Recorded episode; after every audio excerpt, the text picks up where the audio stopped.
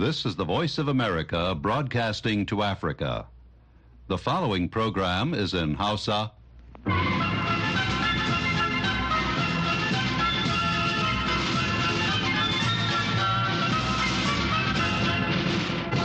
Sashen Hausa na murya Amurka ke magana daga nan birnin Washington DC.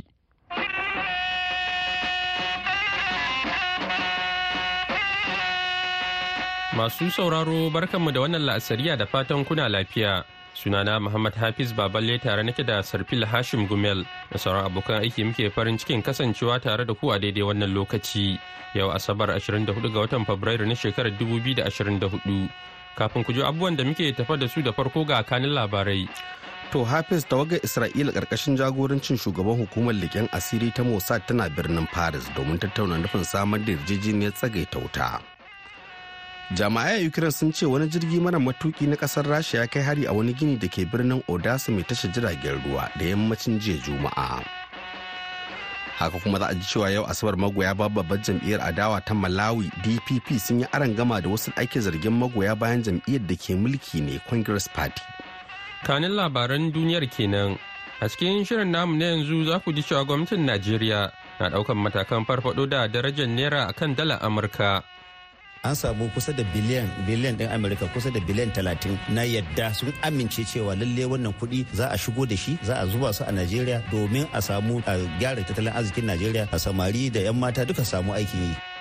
Sannan za ku ji cewa a ghana manoma koko na ci gaba da kokawa kan wata cuta da ke lalata musu gonaki. Ku kalli koko ɗina. Duka ya lalace har in ba taimaka mana ba za mu iya daina wannan sana'a. Bayan nan muna tafa da shirin a dawo lafiya da baba Yakubu makeri ya shirya zai gabatar to amma fa sai mun fara da shan labaran duniya tukunna.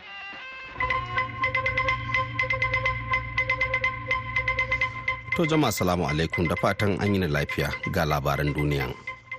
Tawagar isra'ila ƙarƙashin jagorancin shugaban hukumar leƙen asiri ta mossad ta isra'ila david barney tana birnin paris domin tattauna da nufin samar da hanyar sakin sauran mutanen da mayaƙan hamas suka yi garkuwa da su.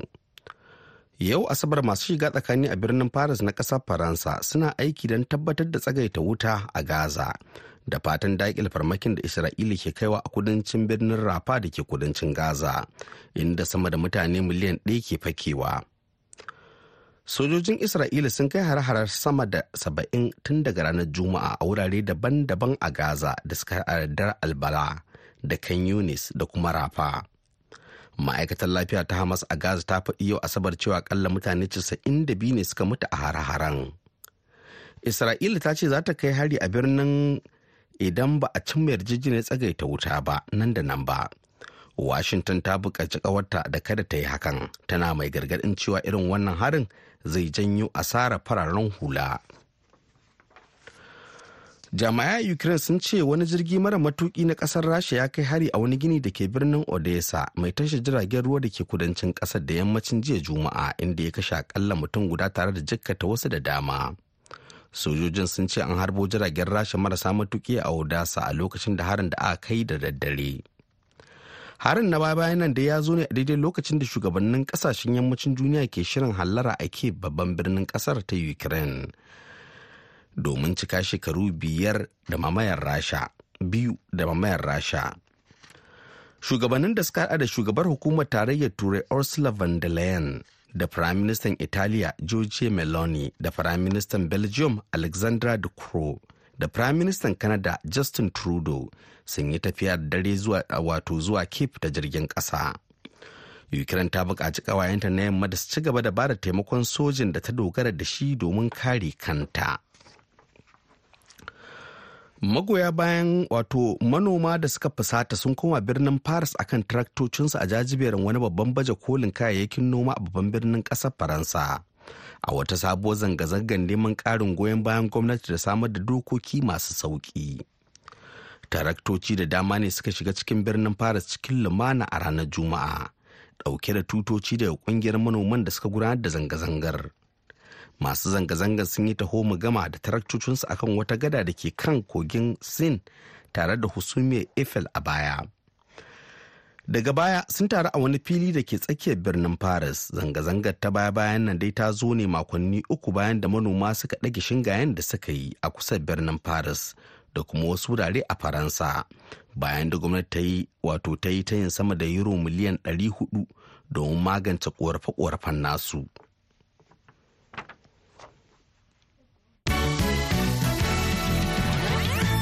To nan ba da jimawa Sarfilu zai kawo mana ƙarshen labaran duniyar, amma kafin nan bari mu buɗe taskar rahotanninmu. Tashin farashin dala kan naira a kan naira na, daga manyan dalilan kunci a tsakanin talakawan Najeriya da hakan ya ƙara ta'azzara bayan janye tallafin man fetur da gwamnatin ƙasar ta yi a bara. Har yanzu mizanin tsallake talauci na Majalisar Ɗinkin Duniya na samun dala ɗaya a wuni bai canza ba, amma dala ɗaya ba za ta iya ƙosar da mutum ɗaya ba. daga Abuja ga rahoton da wakilin Nasiru Adamu Hikaya ya aiko mana.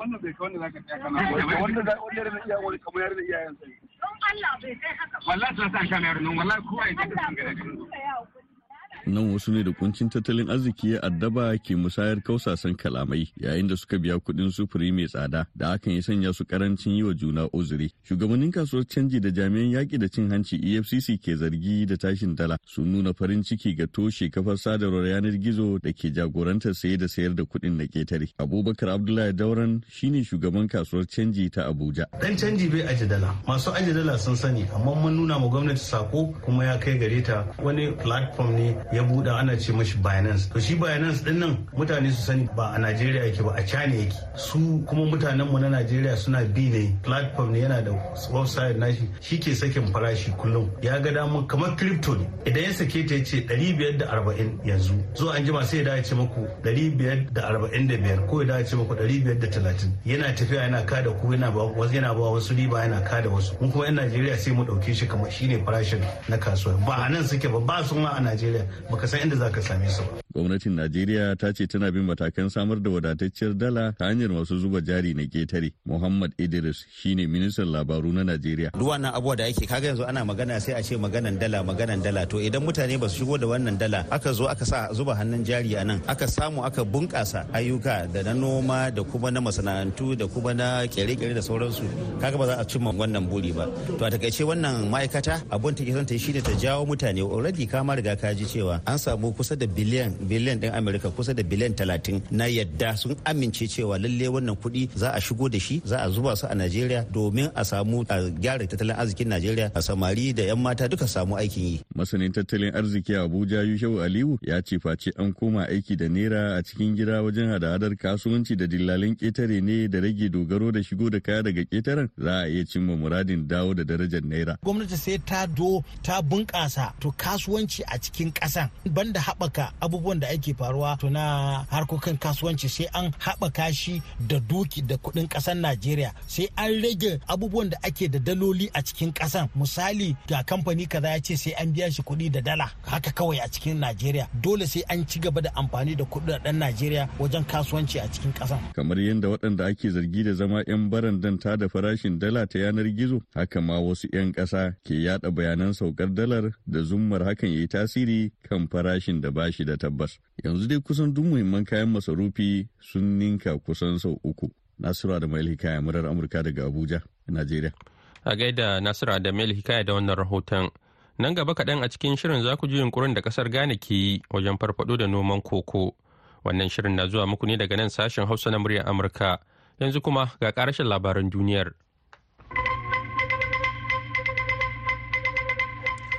Yau Asabar magoya ban babbar jam'iyyar adawa ta Democratic Progressive Party ta Malawi DPP sun yi aron gama da wasu da ake zargin magoya bayan jam'iyyar da ke mulki ne Malawi Congress Party da ke neman tarotsa fadaitin da 'yan adawa suke yi akan tituna. Sun samu raunuka kuma an lalata motocinsu a Lugwe babban birnin Malawi lokacin da ake zargin magoya bayan jam'iyyar Congress Party ta Malawi ɗauke da makamai sun hana su yin zanga-zanga a tituna. Suna riƙe da adduna da gatari da sauran makamai. Jami'an jam'iyyar DPP sun ce an gudanar da faretin ne domin wayar da kan jama'a muhimmancin yin rijistar zaɓe mai zuwa na 2025 da kuma samun katin zama ɗan ƙasa. Sai dai kuma taron ya katse yayin da wata motar ɗaukar kaya ta sauke wasu mutane ɗauke da adduna da abin rufe fuska da makamai. A kusa da wani gidan mai inda magoya bayan jam'iyyar dpp suka taru a shirye-shiryen faretin. Jami'an dpp sun ce kimanin magoya bayan dpp 25 ne suka samu raunuka daban-daban kuma an garzaya da su babban asibitin kamuzu. Ƙasar iran na fama da zanga-zangar 'yan kwadago a daidai lokacin da ake gudanar taron shekara-shekara kan karin mafi ƙarancin albashi don ci gaba da fuskantar tsadar rayuwa. Amma duk da haka matakin bai haifar da wani tashin hankali na gwamnati ba irin wanda ya murkushe wata ƙungiyar kare hakkin mata shekara guda da ta wuce. Ɗaya daga cikin zanga-zangar ma'aikata a jamhuriyar musulunci ta gani a makonnin baya-bayan nan ta hada da yajin aikin ma'aikatan ƙungiyar masana'antar karafa ta iran a birnin ahaz wato ahvaz da ke kudu maso yammacin ƙasar a wani shafin telegram da ke alaka da ma'aikatan ta wallafa hotuna da bidiyo da suka nuna da dama daga cikinsu sun taru a wajen masana'antar karafa daga ranar talata zuwa alhamis domin yin tur da abin da suka ce ko kuma suke ganin ya kare alkawarin gudanarwa na inganta yanayin aikinsu da kuma dakatar da wasu abokan aikinsu. Daga ƙarshe akalla mutane goma sha biyar ne suka mutu yayin da arba'in da huɗu suka jikkata sakamakon wata gobara tashi a wani gini a birnin nanjiyan na gabashin ƙasar china kamar yadda hukumomin yankin suka sanar a yau asabar gobara ta tashi ne da sanyin safiyar juma'a kamar yadda jami'ai suka bayyana a wani taron manema labarai inda bincike na farko ya nuna cewa gobarar ta tashi ne a bene na farko na ginin inda aka ajiye kekuna masu amfani da wutar lantarki. ginin yana a gundumar yuhate da ke Nanjing birni mai mutane sama da miliyan takwas da ke tazarar kilomita 260 daga arewa maso yammacin birnin shanghai an kashe gobarar da misalin ƙarfe 6 a agogon safi wato agogon ƙasar kuma an kawo ƙarshen aikin bincike da ceto da misalin ƙarfe 2 na rana a cewar hukumomi.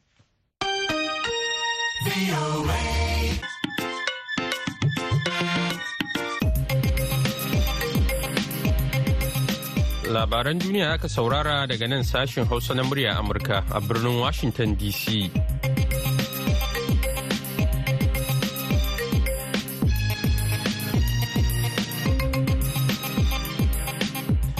Madalla. Wani rahoton baya-bayan nan da hukumar kula da koko ta ƙasar Ghana wato Kokobot ta fitar ya yi nuni da cewa yin koko da Ghana take fitarwa ya ragu zuwa metric ton 600 a bara. Bayan da ya kai tan miliyan 1.048 a shekarar 2021 abin da ya ta'allaka da fasa kauri ba bisa ka'ida ba da bullar wani nau'in cuta da ke lalata gonakin koko wato swallowing shooting a turance da haƙar ma'adanai ba bisa ka'ida ba da dai sauransu. Wakilin hamza adam ya ziyarci wasu manoman koko a yankin ashanti na ƙasar ghana domin gano illolin da cutar ta yi wa gonakinsu kuma ga rahoton da ya haɗa mana. Ama Buatima na ɗaya daga cikin mata manoman koko a yankin Ofinsu da ke jihar Ashanti na ƙasar Ghana. Ama na cikin fargaba matuka bisa jiduwar ba za ta iya samun yawan amfanin gonarta na koko ba sakamakon bullar wani nau'in cuta mai suna swollen shoot da ta'addabi gonarta. Ama da take da kufa akan wannan sana'a wajen ciyar da iyalinta ta ce, za ta iya daina wannan sana'a har in bata samu tallafi na maganin murkuce wannan cuta da ke lalata gonarta ba. Ku kalli koko ɗina duka ya lalace har in ba taimaka mana ba za mu iya daina wannan sana'a. sabida ba ma samun amfani daga ciki. Wani rahoton baya-bayan nan da hukumar kula da koko ta ƙasar Ghana wato Kokobot ta fitar ya nuni da cewa yawan koko da Ghana take fitarwa ya ragu zuwa metric ton dubu ɗari shida a bara. Bayan da ya kai tan miliyan ɗaya da ɗigo sifiri da arba'in da takwas a shekarar dubu biyu da ashirin da ɗaya. Abinda ya ta'allaka da fasa kauri ba bisa ka'ida ba da bullar wani nau'in cuta da ke lalata gonakin koko wato swollen shoot a turance. da hakkar ma'adanai ta barauniyar hanya da dai sauransu matsaloli da ke ci gaba da durkushe sashen masu ruwa da tsaki a sashen koko a ƙasar dai na ganin ya kamata da gwamnati ta hanzarta ɗaukan matakai ko kuma matsalar ta ta'azzara nana buwatin bunsu shugaban ƙungiyar manoman koko a ghana ya faɗa wa muryar amurka cewa matsala ce babba kuma har in gwamnati bata ɗau matakai a kai ba da ma wasu sauran matsaloli ciki har da inganta yanayin aikin su manoman koko a ƙasar to akasarinsu za su daina aiki. Government should also see that our challenges will be addressed. To sai dai a wani ɓangare na neman farfado da wannan matsala da ke addaban sashen samar da koko a ƙasar Ghana. Hukumar koko ɗin ta Ghana Cocoa Board ta samar da rancen dalar Amurka miliyan 200 daga bankin duniya. Kuɗin da ta ce za ta zuba a wannan sashen domin ganin an farfado da ita. In ji mataimakin shugaban hukumar a sashen gudanarwa ta Cocoa Board Emmanuel Opoku. Malam Suleiman Wufi mai sharhi ne kan harkar samar da koko a yankin yammacin Afirka. Ya ce ko shaka ba wannan mataki da hukumar koko ta ƙasar Ghana ta ɗauka shine mafi a'ala saboda cutar koko ɗin nan na ci gaba da lalata gonakin koko da dama. Shi batun suwani shutun ga ya kawo matsala sosai ga farmers. Ko ba wani abu ne ba faman da zai shuka koko ya ƙyale suwani shuta ba ta mai ingancin shi. Matsalar da ke nan ne kuɗin da zai magani ya spirin shine masara. In an kawo maganin maganin da wannan kuɗin da gwamnati ya samu muna fatan zai use ya subsidize ko ko ya rage kuɗin wannan maganin da ake sawa. In sun sa ubangijin Allah zai taimaka ya bari cutar da ke yin kukunan ji kasa ina jin kuɗin abin da ya kamata a yi da shi kane zai taimaka sosai sosai. Cutar da ta shafi kusan hekta dubu ɗari biyar na gonaki. Tare da rage yawan koko da ƙasar da ta kasance kasa ta biyu a duniya wajen noman koko bayan makwabciyarta Ivory Coast. Hamza Adam muryar Amurka daga Kumasi, Ghana. A gaida Hamza Adam da wannan rahoton. Wannan shirin na zuwa muku ne daga nan sashen Hausa na muryar Amurka a birnin Washington DC akan mitoci 1625 da kuma 31. A jamhuriyar Nijar kuma za a iya samun tashar ta BOA Africa a kan mita 200.5 zangon FM. Ha kuma a koda yaushe ake so za a iya zuwa shafukanmu na intanet a boahausa.com ko kuma sashin hausa.com domin samun labarai da dumudumin su. To yanzu agogo a nan Washington DC na cewa ƙarfe goma na safe da minti goma sha bakwai. Yanzu kuma ga shirinmu na gaba. Matafiya a dawo lafiya.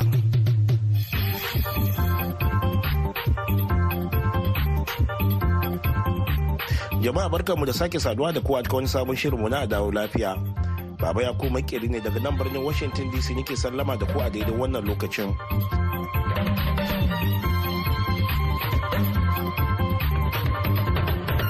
A yau shirin zai ci gaba da tattaunawa ne da Muhammad Hashim Sidi Madani, mataimakin jami'in shirya ayyuka na hukumar Rosati ta Ghana a jihar Arewa maso yamma. Wanda a makon da ya gabata yake mana bayani akan manyan ayyuka da hukumar road safety za ta yi domin rage yawan hatsarin ababen hawa a ghana. Ga dai bayanin nashi. Menene manyan ayyuka da hukumar road safety ta ƙasar ghana ta sa a gaba?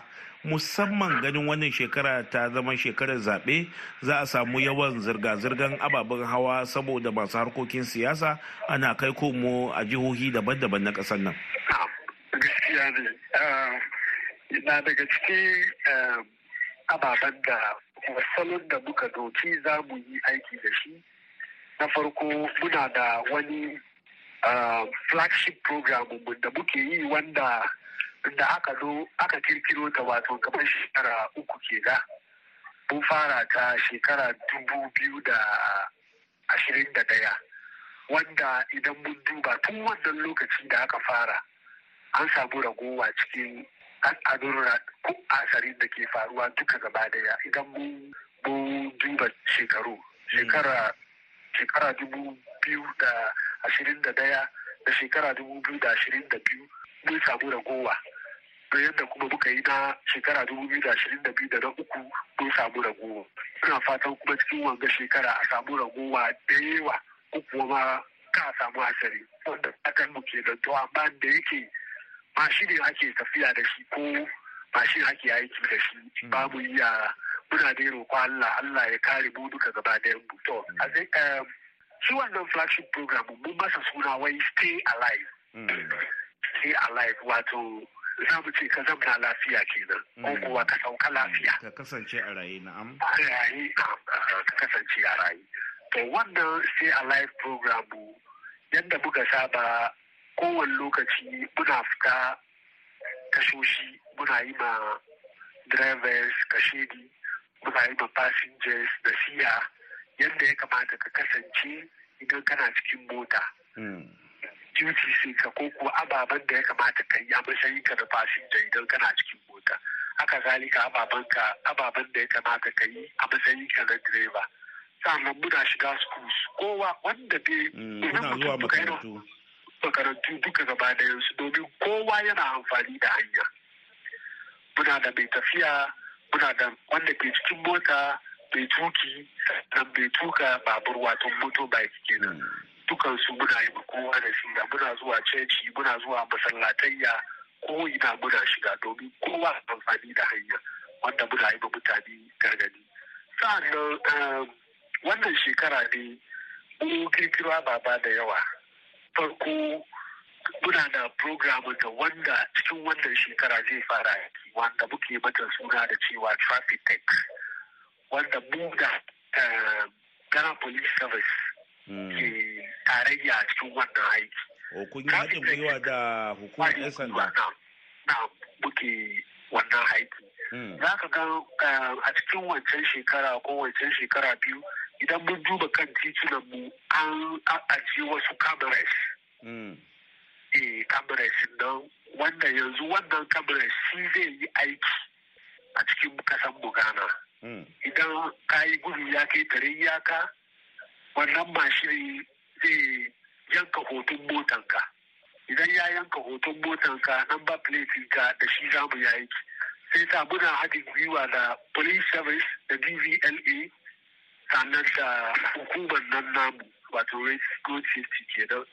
Wannan mashin injin robo yana police service ne. Idan muna bukatan komi game da motar yana wurin dvla ne.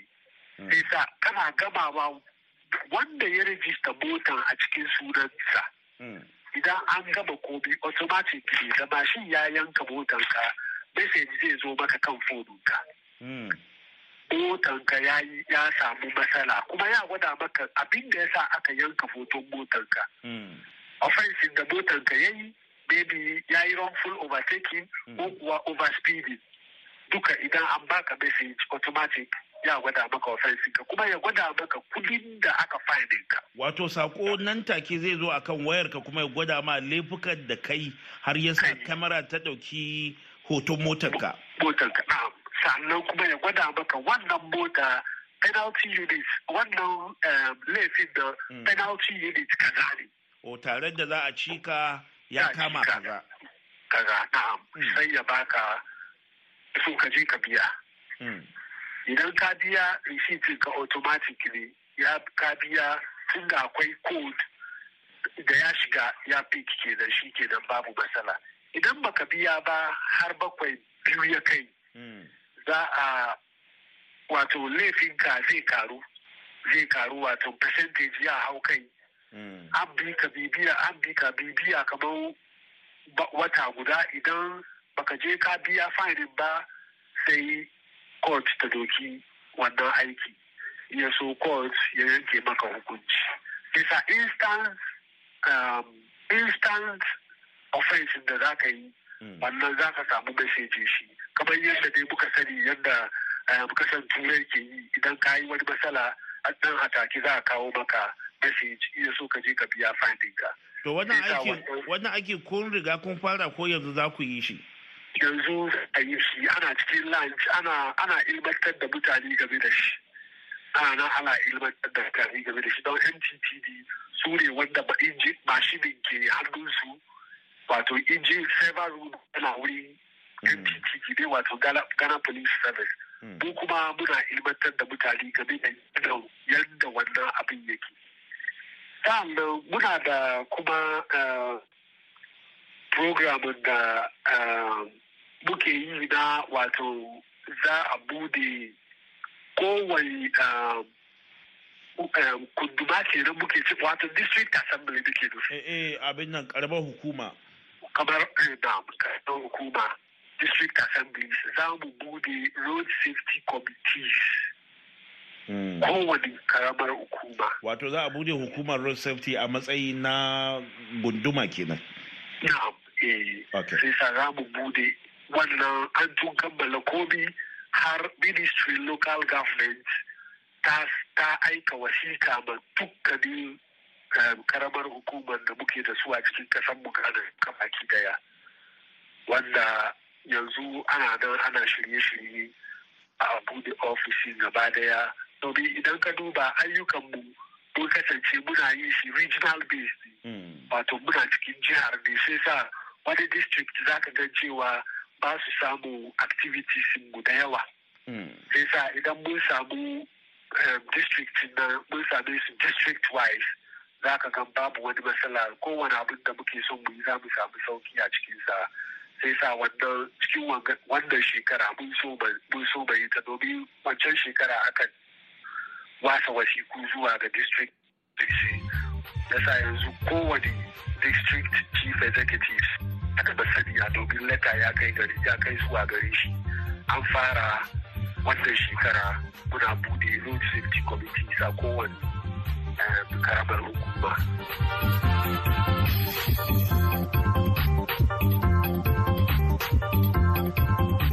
To madalla a nan za mu dakatar da wannan shirin har sai sabon mako idan Allah kai mu ji mu ɗauke da wani sabon shiri.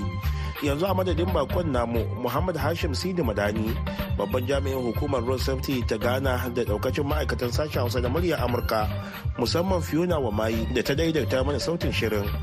Baba Yakubu makiri ne daga nan birnin Washington DC nake sallama da ku. A huta lafiya kuma a dawo lafiya.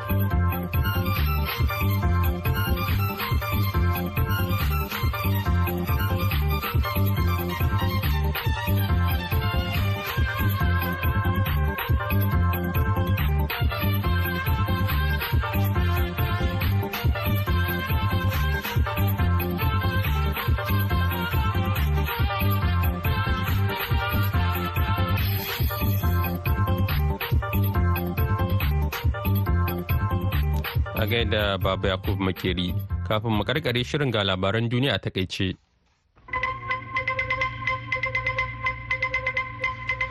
To a takaicen an ji cewa tawagar Isra'ila ƙarƙashin jagorancin shugaban hukumar leƙen asiri ta Mossad ta Isra'ila David Barney tana birnin fara zomin tattauna da nufin samar da hanyar sakin sauran mutanen da mayaƙan Hamas suka yi garkuwa da su. Yau Asabar masu shiga tsakani a birnin Paris na ƙasar Faransa suna aiki don tabbatar da tsagaita wuta a Gaza da fatan daƙil farmakin da Isra'ila ke kaiwa a kudancin birnin Rafa da ke kudancin Gaza inda sama da mutane miliyan ɗaya ke fakewa. jami'ai ukraine sun ce wani jirgi mara matuki na ƙasar rasha ya kai hari a wani gini da ke birnin odessa mai tashi jiragen ruwa da ke kudancin ƙasar da yammacin jiya juma'a inda ya kashe akalla mutum guda tare da jakkata wasu da dama sojojin sun ce an harbo jiragen rasha marasa matuka a odessa lokacin harin da aka kai cikin dare. Manoma da suka fusata sun koma birnin paris akan taraktocinsu a jajiberin wani babban baje kolin kayayyakin noma a babban birnin ƙasar faransa a wata sabuwar zanga-zangar neman ƙarin goyon bayan gwamnati da samar da dokoki masu sauƙi. Taraktoci da dama ne suka shiga birnin paris cikin lumana a ranar juma'a ɗauke da tutoci daga ƙungiyar manoman da suka gudanar da zanga-zangar. Yau asabar magoya bayan babbar jam'iyyar adawa ta democratic progressive party ta malawi dpp sun yi gama da wasu da ake zargin magoya bayan jam'iyyar da ke mulki ne malawi congress party da ke neman tarwatsa faretin da 'yan adawa suka yi akan tituna. Sun samu raunuka da dama an lalata motocinsu a lulongwe babban birnin malawi lokacin da ake zargin magoya bayan jam'iyyar congress party ta malawi ɗauke da makamai sun hana su yin zanga-zanga. A tituna suna riƙe da adduna da gatari da sauran makamai. Ƙasar iran na fama da zanga-zangar 'yan kwadugo a daidai lokacin da ake gudanar taron shekara-shekara akan ƙara mafi ƙarancin albashi don ci gaba da fuskantar tsadar rayuwa amma duk da haka matakin bai haifar da wani tashin hankali na gwamnati ba irin wanda ya murkushe wata ƙungiyar kare haƙƙi mata shekarar ta gabata. To masu sauraro da haka muka kawo ƙarshen shirin namu a wannan lokaci sai kuma an jima da misalin ƙarfe tara da rabi agogon Najeriya Nijar kamar da Chadi za mu sake dawa da wani sabon shirin idan Allah ya kai mu. Yanzu a madadin Sarfil Hashim Gumel da ya karanto labarai da kuma Fiona Wamayi wadda ta daidaita mana sauti da ba da umarni sai injiniyan mu na yanzu Al Santos daga nan birnin Washington DC ni Muhammad Hafiz Baballa nake cewa sai mun sake dawa a shirinmu na dare insha Allahu.